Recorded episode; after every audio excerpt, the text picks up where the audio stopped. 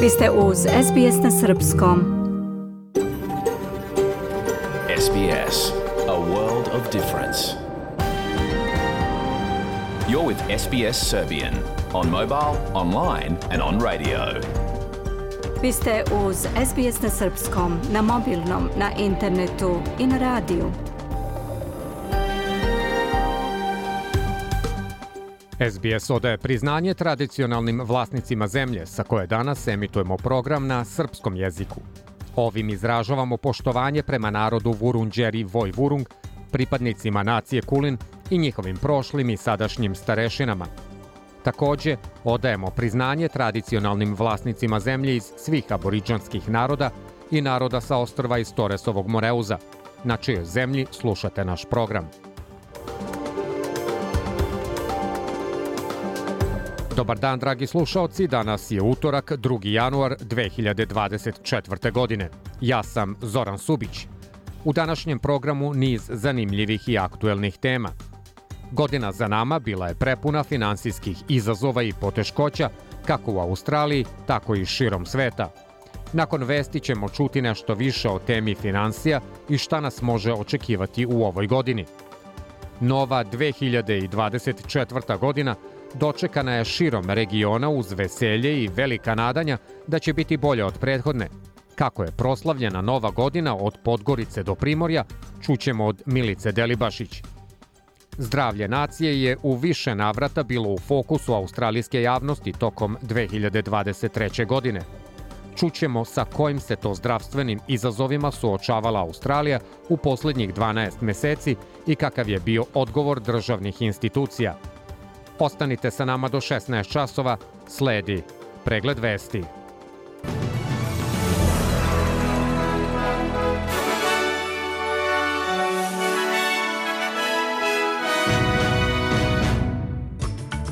Nekoliko snažnih zemljotresa potreslo je Japan. Teške padavine u jugoistočnom Queenslandu i severnom Novom Južnom Velsu mogu da dovedu do pretećih poplava – Na prelazu u novu godinu sukob Moskve i Kijeva je u znaku masovnih raketnih napada.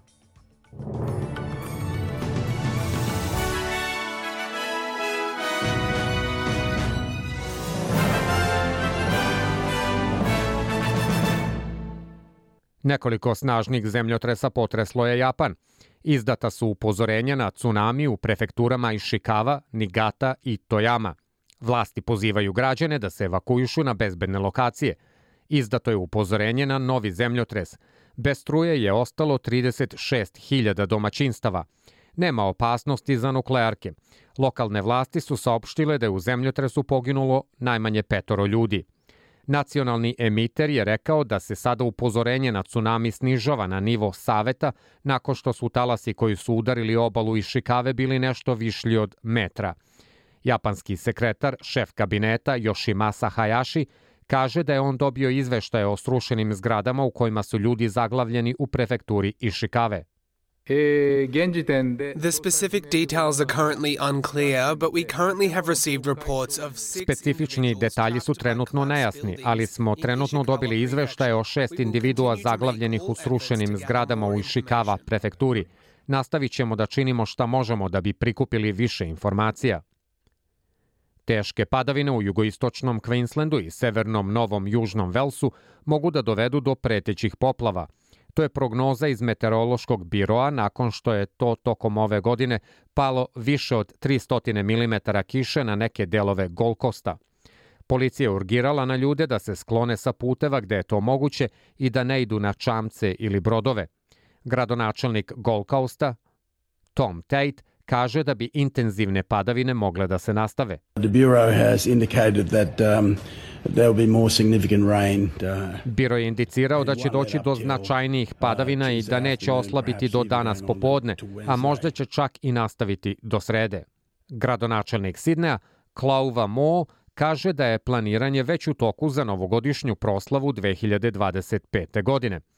Ona kaže da je bilo samo 19 uhapšenih u novogodišnjoj noći u Sidneju od milion ljudi koji su prisustvovali proslavi, a da su ljudi uživali u prilici da proslave nakon teških nekoliko godina. We're planning already for the next one and it's always fantastic, but I think after the pandemic and COVID and the terrible year... Već planiramo sledeću i uvek je fantastično, ali mislim da nakon pandemije i COVID-19 i očajne 2023.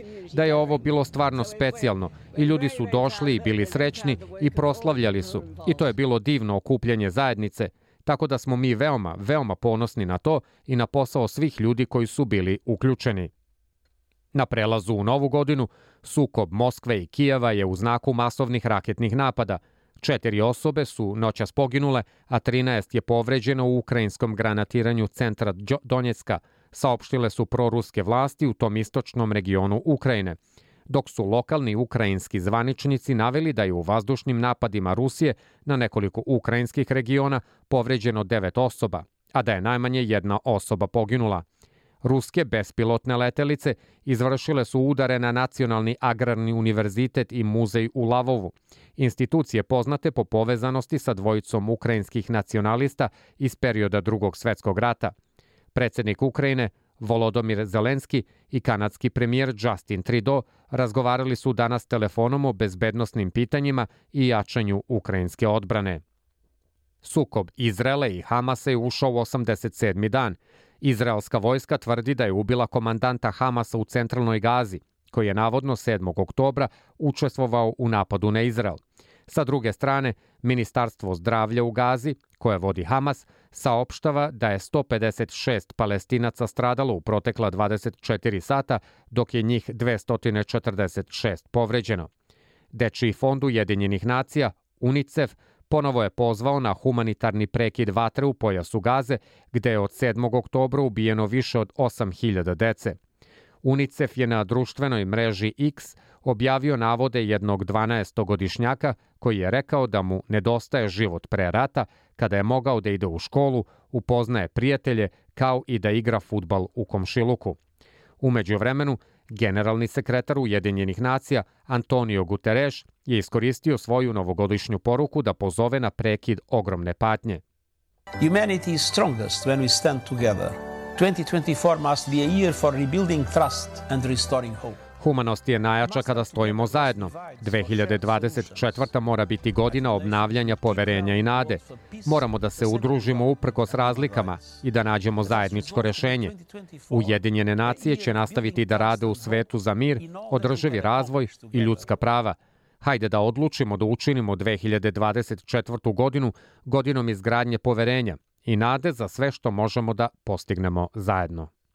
Raseljeni palestinci u improvizovanom izbegličkom kampu u Gazi žele da budu u mogućnosti da se vrate svojim kućama u novoj godini nakon 12 nedelja rata između Hamasa i Izraela.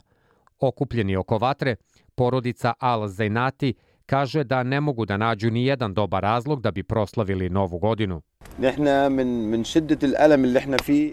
We do not feel that there is a new year because of the intensity of the pain we live in. Mi ne osjećamo da ima nove godine zbog intenziteta bola u kojem živimo. Svi dani su isti. Naše proslave nisu proslave. Kada možemo da slavimo? Kada možemo da proverimo kako su nam deca koju smo ostavili iza, iza na severu u Džabali i kada možemo da vidimo kako je naših osamdesetak ljudi iz ostatka naše porodice, koja je i dalje na severu, onda će biti proslava. Moja tragedija živi unutar mene. Spoljašnji svet je uopšte ne osjeća. Neka oni imaju svoje proslave i ostave mene da živim svoju tragediju. Ministarstvo zdravlja Gaze kaže da je više od 21.800 palestinaca u Gazi ubijeno izraelskom vatrom i vazdušnim napadima od kada je počeo rat između Izraela i Hamasa. Nova godina velikom broju građana Srbije pre svega penzionerima, zaposlenima u javnom sektoru, onima koji primaju minimalne zarade, donosi povećanje primanja, a 2024. počinju se primanjivati i nove zakonske odredbe, kao što su one o penzionisanju žena i o elektronskom fakturisanju. Posle vanredne oktobarske povišice od 5,5% za penzionere, njih oko 1,64 miliona koliko ih ima na platnom spisku fonda, sa januarskom penzijom stiže povišica od 14,8%. Sa ovim povećanjem prosečna penzija u Srbiji će iznositi oko 45.770 dinara. Plate zaposlenih u javnom sektoru biće od januara veće za 10%, dok će minimalna zarada biti povećana za 17,8 procenata i iznosit će 271 dinar po radnom satu, odnosno od 43.360 dinara za mesec sa 160 radnih sati do 49.864 dinara koliko će iznositi minimalac za mesec sa 184 radna sata. Državne subvencije nisu plate, ali poljoprivrednicima su velika finansijska pomoć i od sledeće godine iznosit će 6000 dinara po hektaru, s tim što zakon dozvoljava da budu i 18.000 dinara po hektaru. Prva grupa ljudi otputovala je juče sa Prištinskog aerodroma organizovano avionom u Austriju, bez viza za zemlje Evropske unije, osim Španije, čime je za žitelje Kosova i Metohije počeo bezvizni režim putovanja u šengenskom prostoru. Premijer Albin Kurti i zamenica premijera Donika Gervala Švarc održali su tim povodom konferenciju za medije na Prištinskom aerodromu, poručivši da građani od juče nisu više uskraćeni za mnoge mogućnosti. Ovaj dan je važan. Otklanja se velika nepravda i stiče veliko pravo. Jačanje naših putnih isprava jača naše dostojanstvo u međunarodnoj areni. Naveo je Kurti, a prenose mediji u Prištini – Vlasnici pasoša koje izdaju vlasti u Prištini od danas izbegavaju duga čekanja ispred kancelarija stranih ambasada za vizu i njeno plaćanje. Jedna od najlepših beogradskih tradicija je ulica Otvorenog srca. Već više od pola veka, Beograđani i njihovi gosti se 1. januara tačno u podne okupljaju u Svetogorskoj ulici, da se vide, druže i jedni drugima požele sreću u novoj godini. Manifestacija ulica Otvorenog srca u Svetogorskoj ulici svečano je počela uz pesmu dečijeg hora Čarolija i pevačice Zoe Kidah. Svetogorska ulica je od Takovske do Doma omladine pretvorena u dečije šetalište, sa balonima, slatkišima, a svojevrsna predstava priređena im je ispred ateljeja 212. Kao i svake godine, posetioci tradicionalno mogu da kupe crveni nosić, zaštitni znak ulice Otvorenog srca u okviru humanitarne akcije koju su pre nekoliko godina pokrenuli doktori Klovnovi kako bi deci koja se leče ulepšali i olakšali bolničke dane. Direktor turističke organizacije Beograda Miodrag Popović zahvalio je roditeljima što su doveli decu, a deci što učestvuju u današnjoj manifestaciji. Kada čitav svet spava, 1. januara deca se raduju i Beograd se raduje. Srećna nova godina, rekao je Popović.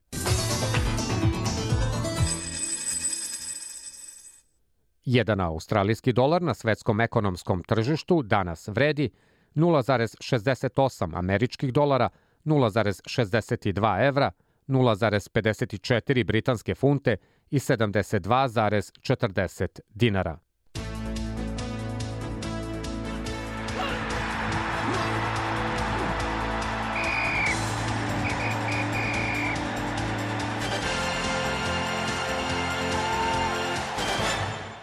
Košarkaši Partizana igraće duel 18. kola Evrolige protiv francuskog Asvala. Meč je na programu danas od 20 časova i 45 minuta po srednjeevropskom vremenu. Trener košarkaša Crvene zvezde Janis Sveropoulos istakao je da je Fenerbahče sa novim trenerom Šarunasom Jasikevičiusom dobio novu energiju, kao i to da crveno-beli moraju da budu koncentrisani u odbrani u današnjem duelu.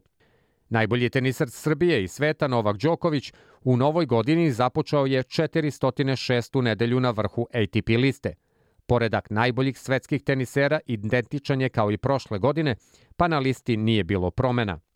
Australija je uprkos očekivanjima uspela da pobedi Sjedinjene američke države i da se plasira u četvrtfinale United Kupa u Pertu.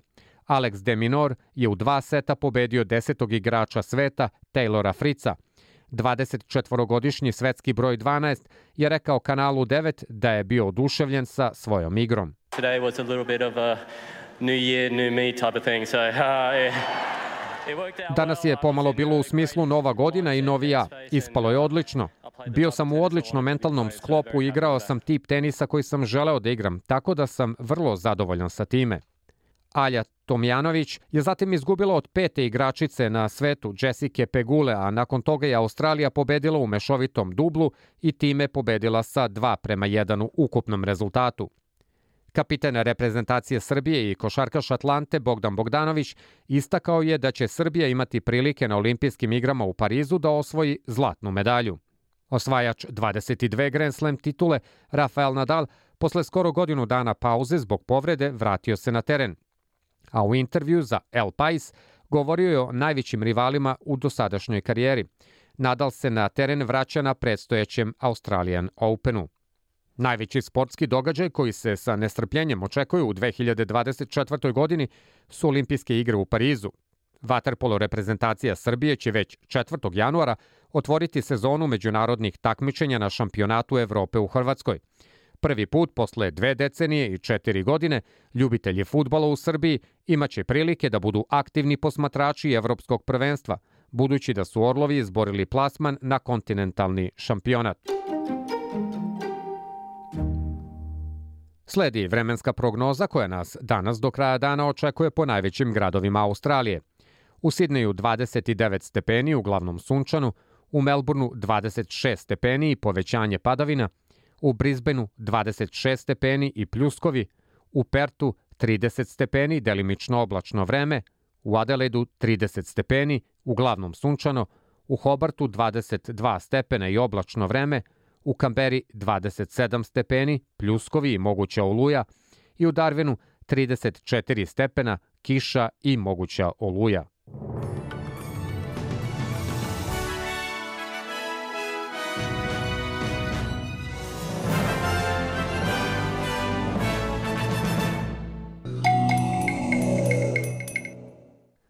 Vi slušate SBS program. Na srpskom jeziku ja sam Zoran Subić, ostanite sa nama.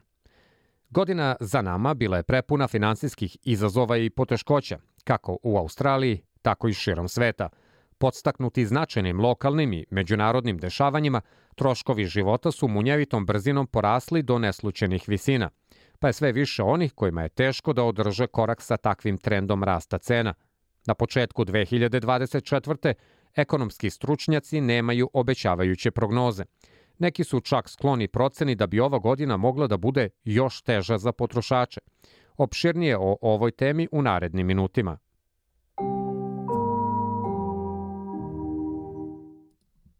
2023. godina je ta koju mnogi ljudi žele da ostave iza sebe. Ova godina je sa sobom donela dosta promena u životima ljudi, ali sve te promene nisu bile na bolje.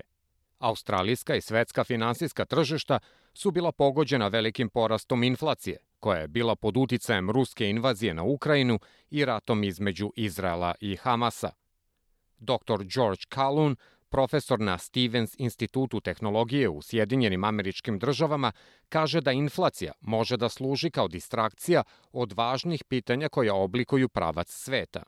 This uh, concern with inflation is a, is a, a mask for Ova briga sa inflacijom kao maskom naspram širih briga koja se stvarno šire van financija na politički nivo i javne debate u vezi rata i kako bi trebali odgovoriti na rat na Srednjem istoku ili rat u Ukrajini, kako bi trebali da se nosimo sa situacijom u Kini i političkim podelama u državi i veoma čudnim predsedničkim izborima koji se izgleda spremaju. Kada se fokusiramo na australijsko tržište, došlo je do dosta incidenata koji su obeležili poslednjih 12 meseci. Kyle Roda je viši finansijski analitičar tržišta za Capital.com. On je rekao za SBS On the Money podcast da veruje da je jedan događaj bio najvažniji. I think the thing that rocked corporate Australia the most was probably the drama surrounding Qantas. Obviously, a few years of mega profits, but also Uh, Mislim da je ono što je pogodilo poslovni svet Australije najviše verovatno drama sa Qantasom. Očito da je par godina sa mega profitom, ali i sa neverovatnim nezadovoljstvom među klijentima u široj zajednici Mislim da je to otkrilo neke probleme koje sada vidimo širom sveta, u smislu kapitalizma sa akcionarima i balansiranjem zahteva akcionara i profita sa interesima drugih akcionara, kao što je potrošač, ali i sa širom zajednicom i političkom sredinom takođe. Tako da je činjenica koju smo videli i ona je u vezi opšteg reprogramiranja ove sredine. Očito je da smo videli Alana Joyce i njegov odlazak. Mislim da je to bio najveći i skandalozni razvoj u biznis svetu i jedan koji pokazuje ovo vreme i kako biznis funkcioniše u široj ekonomiji ali generalni direktor Kvantasa nije bio jedini lider u australijskom finansijskom svetu koji je odstupio od svoje uloge u 2023. godini. Philip Lowy je takođe objavio svoju ostavku kao lider Rezervne banke Australije nakon povećanja kamate koja je trenutno na 5,4%. Generalni direktor Optusa Kelly Beja Rozmarin je takođe otišla sa svoje pozicije nakon incidenta sa prekidom veze u mreži Optusa u ranom novembru, što je ostavilo milione potrošača bez mogućnosti da se povežu nekoliko sati. Gospodin Roda kaže da ove promene u rukovodstvu pokazuju da su ljudi manje tolerantni na greške, I think it's just incredible scrutiny, especially with, you know, sounds a little bit cliche, but it, I think it is the truth, 24-hour news cycle. Mislim da je ovo neverovatna kritična postavka. Da ne zvučim kao kliše, ali mislim da je to istina. 24-satni niz vesti, eho koji može da se stvori sa društvenim medijima i veoma nesimpatetična zajednica kada dođe do poslovnih pitanja, poslovnih grešaka i veće odgovornosti za poslovne odbore na nivou rukovodstva. Mislim da je to ono što smo videli u inostranstvu i što je ovde važnije. I to je pomak sa staromodnog akcionarskog kapitalizma na ovo što je zabrinjavajuće. Ovo je fokusiranje mnogo više na pitanja akcionara. Akcionarski kapitalizam koji ne posmatra samo profit, već gleda i biznise, društveni mandat i tu ulogu u ekonomskom smislu i mnoga druga pitanja politička, pitanje sredine i koji biznisi i odbori imaju veće razmatranje i kontrole zbog prirode medijske informatičke i informacione tehnologije. I tako izgleda da su biznis lideri na kratkom povocu. Poslovno vođenje je sada važnije nego ikada.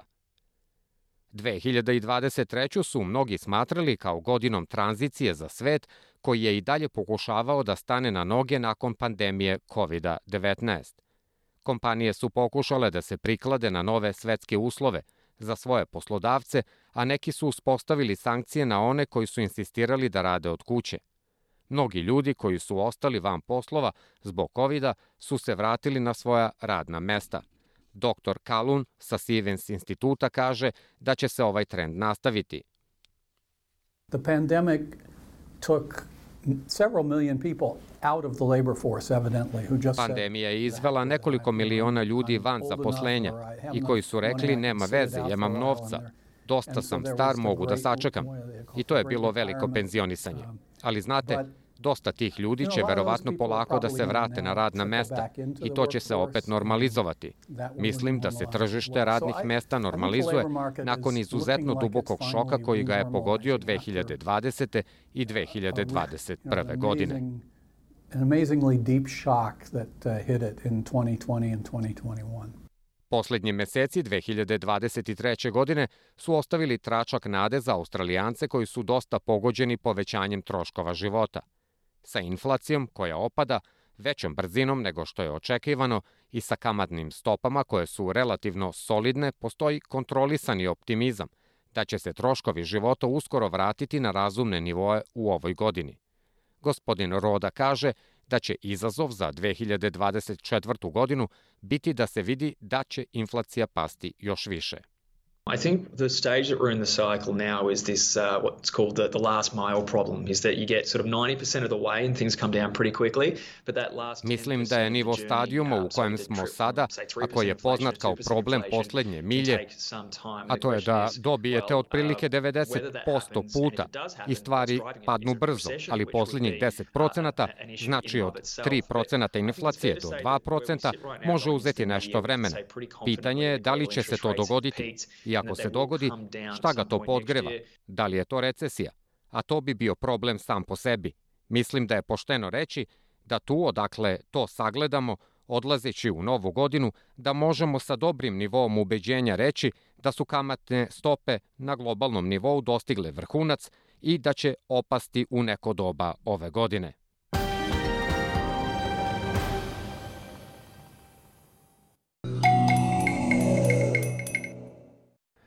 Vi slušate SBS na srpskom jeziku. Jedna od najčešćih ekonomskih tema u Srbiji u protekloj godini bile su cene nekretnina, koje su još sredinom 2022. krenule vrtoglavo da rastu. Tokom minulih 12 meseci došlo je najpre do kulminacije kako po pitanju kupovine, tako i kada je reč o cenama najma stanova i kuća.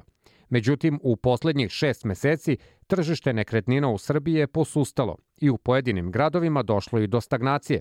Kao razlog za to navodi se pre svega pad potražnje, jer su visoke cene prevazišle mogućnosti mnogih potencijalnih kupaca.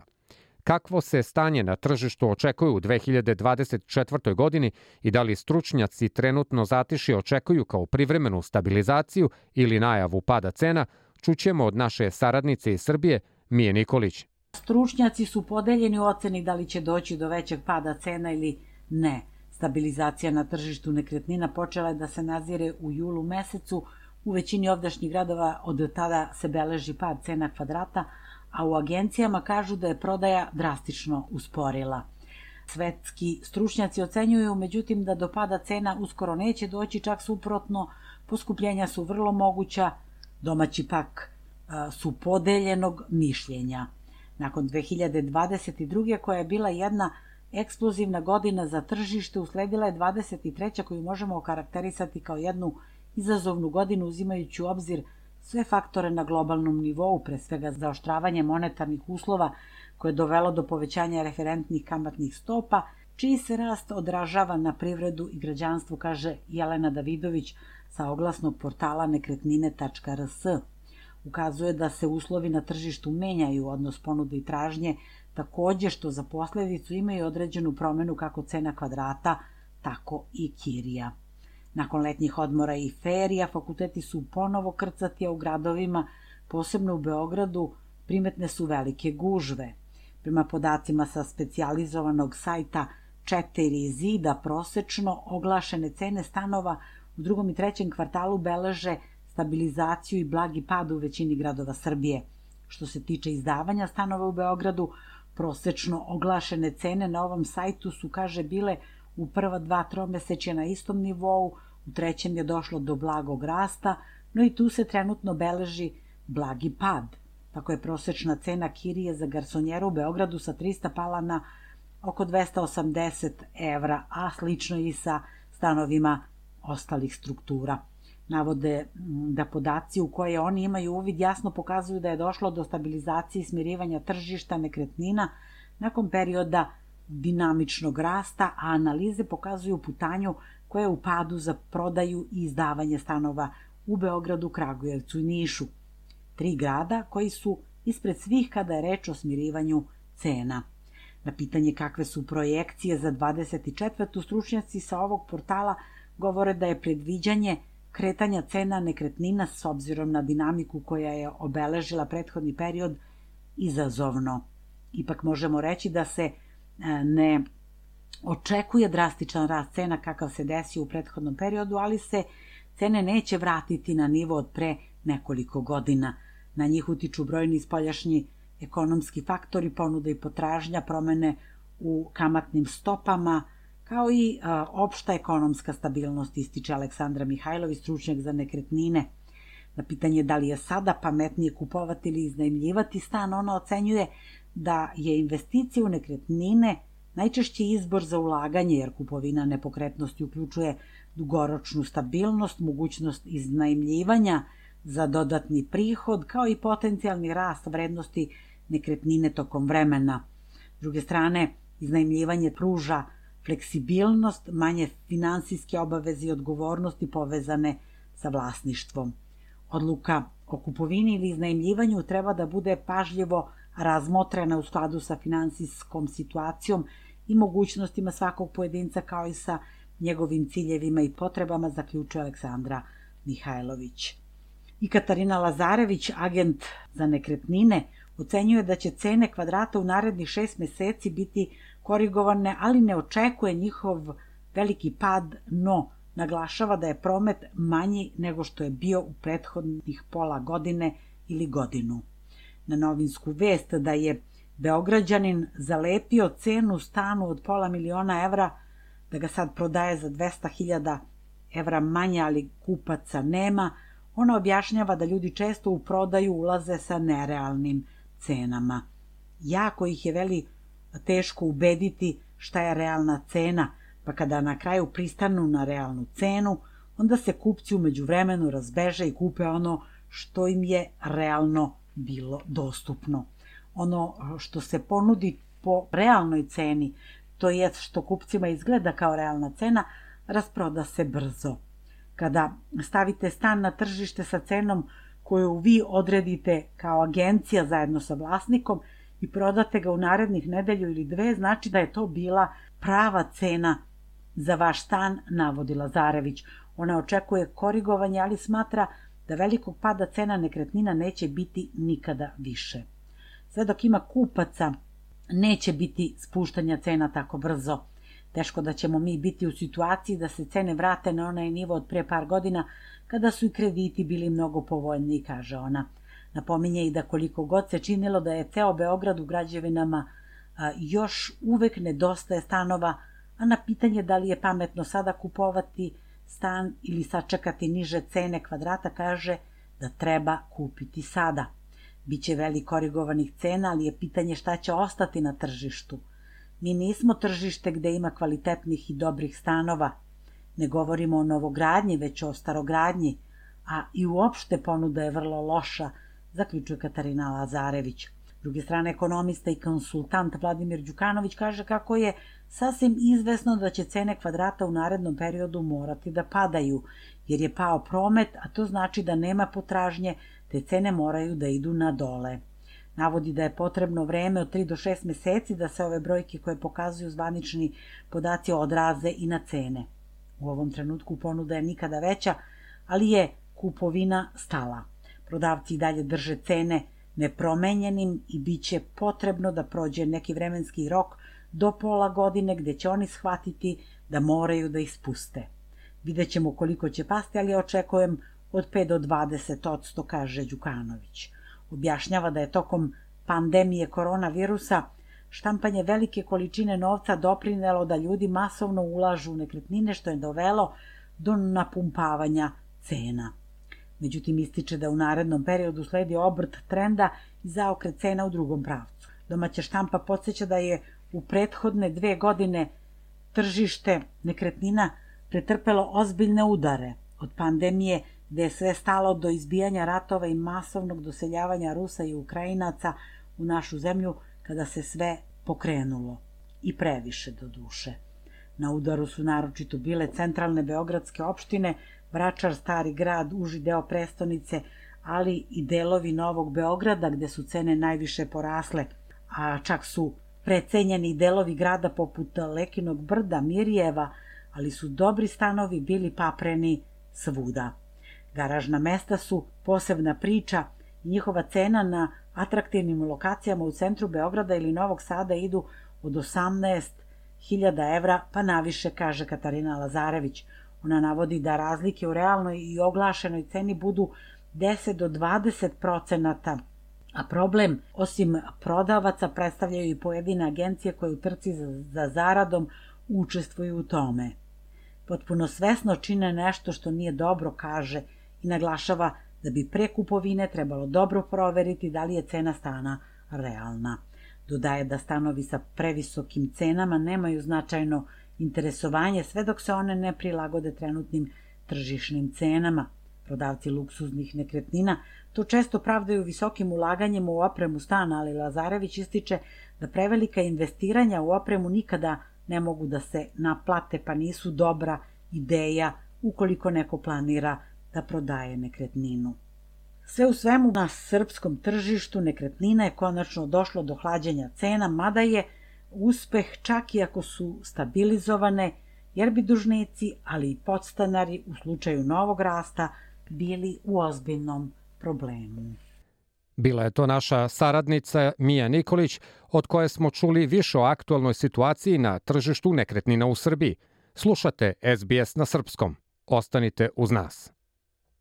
Slušajte SBS na srpskom, na mobilnom, na internetu i na radiju.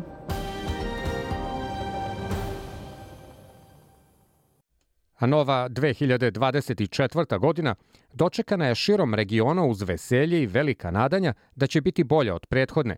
Veselo je bilo na trgovima, u dvoranama i mnogim restoranima od Subotice, Novog Sada, Beograda do Kragujevca i Niša. Po običaju, dobar provod nije izostao ni u Crnoj Gori, gde su u novogodišnjoj noći gostovale mnogobrojne estradne zvezde iz Srbije, Bosne i Hercegovine i Hrvatske. Kako je proslavljena nova godina od Podgorice do Primorja, čućemo od Milice Delibašić.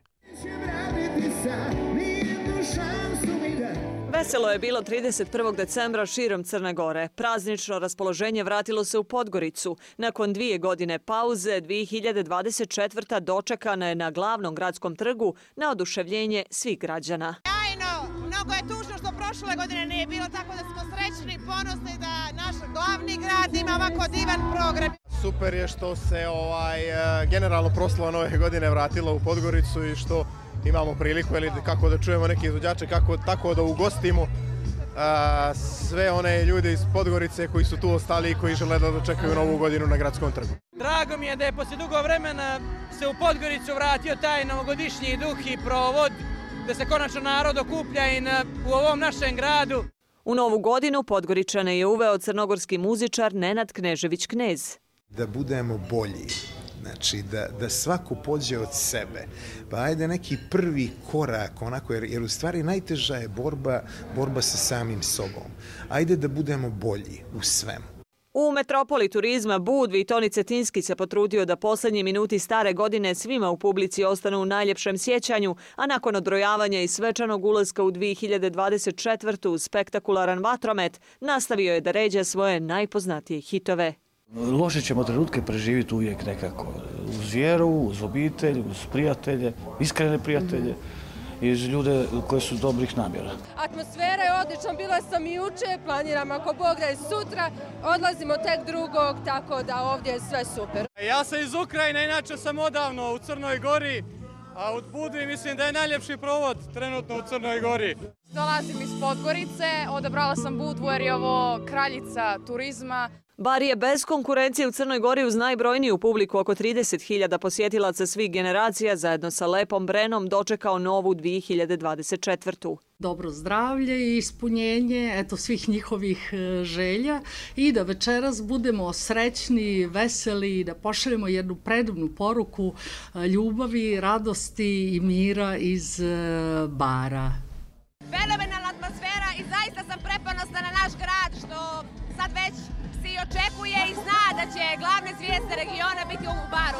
Ovo je fantazija. Stvarno je doživljaj. Doživljaj, provod, lud. Vraćamo se u mladost. Neki.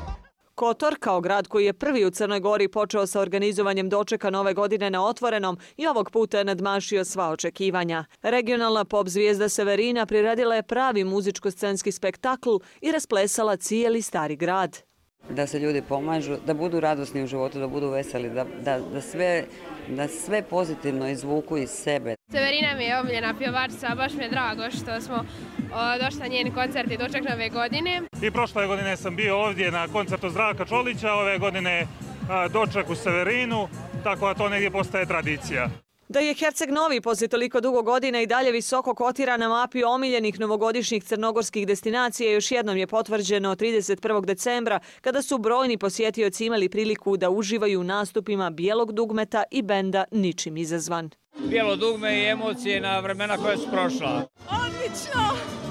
Bolje ne može da bude, super je. Fantastično. Hvala vam na domaćinstvu. Na dočeku nove 2024. na gradskoj rivi Pine u Tivtu nastupio je Haris Džinović. Koncert je uz poznate hitove slavnog pjevača počeo u 23 časa i završio se oko 1 sat poslije ponoći. Iz Podgorice za SBS na srpskom Milica Delibašić.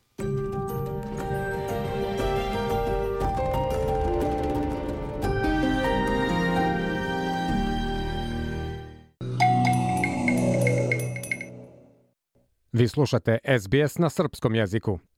Zdravlje nacije je u više navrata bilo u fokusu australijske javnosti tokom 2023. godine. U narednom prilogu Debore Grork čućemo s kojim se to zdravstvenim izazovima suočavala Australija u poslednjih 12 meseci i kakav je bio odgovor državnih institucija za program na srpskom jeziku priredio je Branko Cvetojević. Engleska izreka iz 19. veka kaže da jedna jabuka dnevno čuva zdravlje i drži doktora podalje od nas. An apple a day keeps the doctor away. Međutim, udruženja medicinskih radnika poput Kraljevskog australijskog koleđa lekara opšte prakse smatraju da je tokom 2023. doktore podalje držao pre svega nedostatak podrške Medikeru. Njihov izveštaj o zdravlju nacije za 2023. otkrio je da među lekarima postoji velika opterećenost obimom posla i sve veće nezadovoljstvo sobstvenom profesijom. Skoro trećina lekara opšte prakse rekli su da planiraju da se povuku u narednih pet godina. Lekar opšte prakse dr. Kenneth McCrory član je Australijskog medicinskog udruženja – On kaže da mnogi razmišljaju o napuštanju profesije jer osjećaju da su pod sve većim pritiskom. McCrory objašnjava da je mala naknada u poređenju s drugim specijalizacijama primorala mnoge da zatvore svoje ordinacije jer ne mogu sebi da priušte da i dalje pregledaju pacijente u suštini besplatno. To najbolje govori o trenutnoj situaciji, kaže on. Veliki prostor u medijima tokom proteklih 12 meseci posvećen je i zabrinutosti oko toga ko sve ima pristup nacionalnom programu invalidskog osiguranja. Naime, 35% korisnika NDIS-a ima autizam kao primarnu dijagnozu, a ministar za nacionalni program invalidskog osiguranja Bill Shorten je tokom cele godine govorio o tome da se ovaj program mora vratiti onima za koje je prvobitno i osmišljen.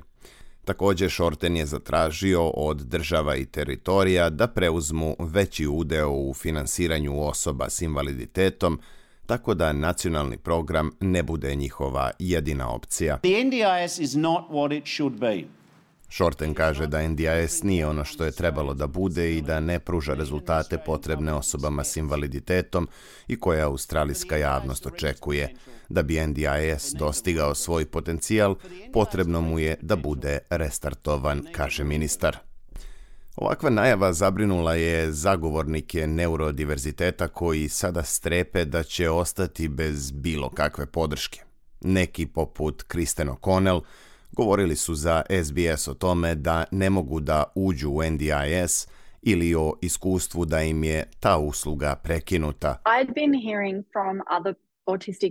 Kristen kaže da je od drugih autističnih ljudi čula da su nakon poslednjih pregleda imali velike rezove u finansiranju iz NDIS-a, Mnogi od tada osjećaju zabrinutost zbog takvih procena njihovog stanja, koje su dovele do toga da dobijaju 75% podrške manje za seanse sa psihologom, koje su za njih najvažnija podrška, kaže O'Connell.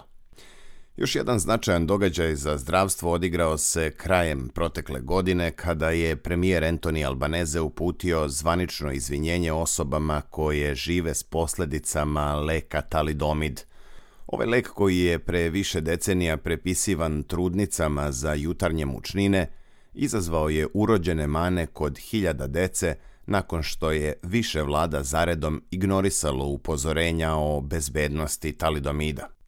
Sue Jerome je jedna od osoba koje žive sa fizičkim nedostacima zbog ovog leka. Ona kaže da je morala da se suoči sa tim da ima izuzetno nerazvijene ruke i da se još uvek suočava sa brojnim drugim izazovima u vezi sa sobstvenim telom, koje je kao posledica talidomida ubrzano i prerano stari. Sue kaže da je njena majka odmah posle porođaja čula samo kako babica govori o moj Bože dok je nosila dete.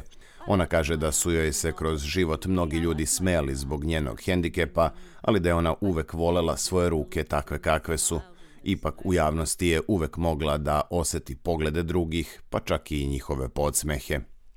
Očekivano godina nije mogla da prođe bez redovnog pominjanja covid u medijima.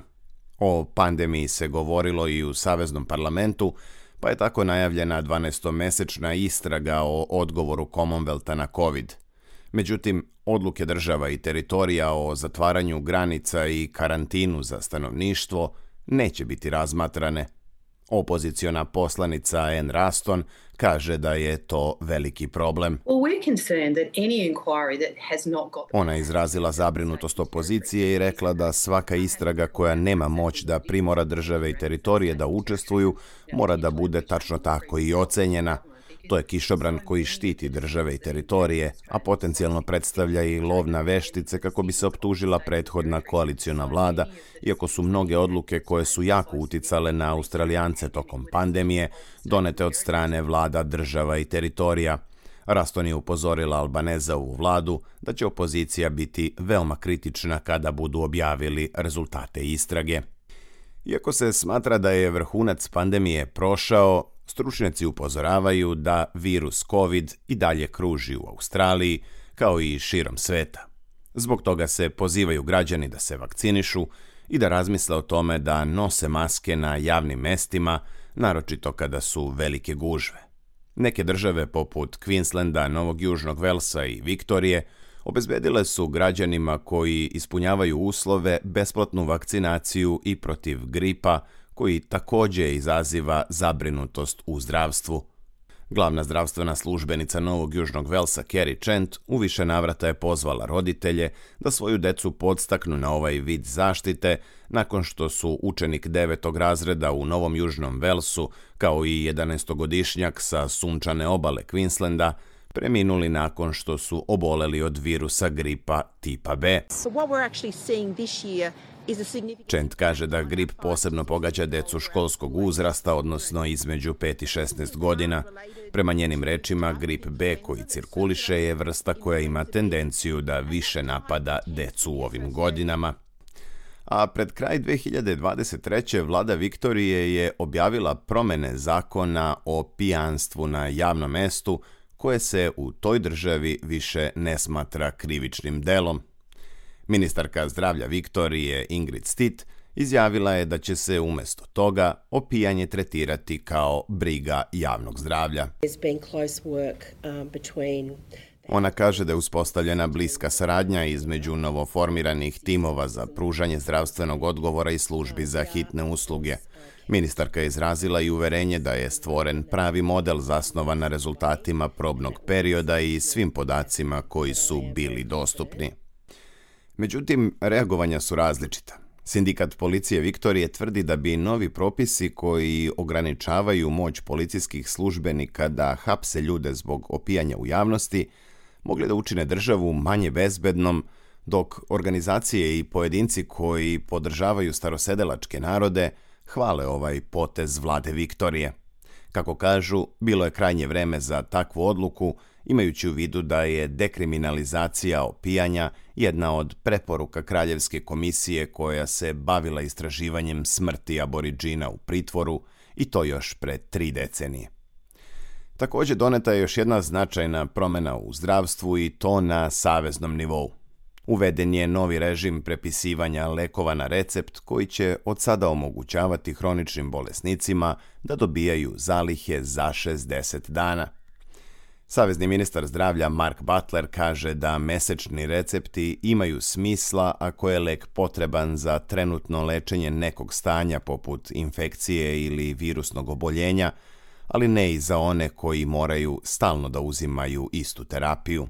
30 day scripts ako ljudi moraju isti lek da uzimaju iz godine u godinu, a ponekad i do kraja života, izdavanje recepta za zalihe od 60 dana imaju mnogo više smisla i to je ono što su nam stručnjaci preporučili da odobrimo.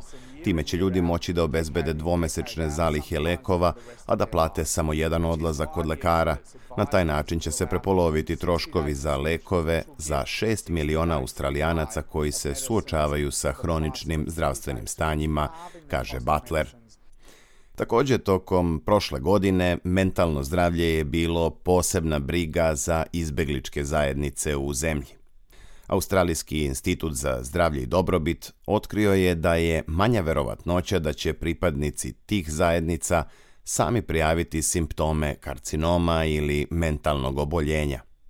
Ovakvi podaci pripisuju se u velikoj meri pretpostavci da postoji kulturološka prepreka ili stigma u nekim zajednicama kada je reč o razgovorima u vezi mentalnih problema. Utvrđeno je da se rad na rešavanju ovakvih situacija mora poboljšati i da bi što pre trebalo preduzeti konkretne korake, piše Debora Groark za SBS News. Slušate program na srpskom. Ja sam Branko Cvetojević.